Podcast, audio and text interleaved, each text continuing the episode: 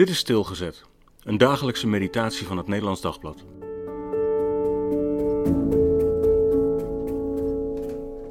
Twee generaals. 2 Samuel 3, vers 23.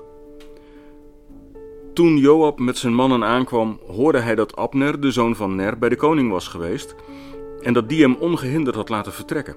Daarop ging Joab naar de koning en vroeg: Wat hebt u gedaan? In dit hoofdstuk lopen de lijnen prachtig parallel. Een van die parallellen is de twee generaals. Abner, de trouwe maar harde bonk staal, die tot op het laatste moment wel even zal uitmaken wat goed is voor Sauls koningshuis. En daarnaast Joab, al even trouw aan zijn koning, maar ook even hard en even eigen gereid. Abner loopt gewoon over zijn heer Isbozet heen. Gaat Joab dat nu ook doen? Kijk, daar komt hij, terug van weg geweest. En daar hoort hij dat David de vijand ongehinderd heeft laten gaan. En met zijn vuile laarzen nog aan stampt Joab bij zijn koning binnen. Wat hebt u gedaan? Kijk uit, David. Laat je niet imponeren door de botte macht.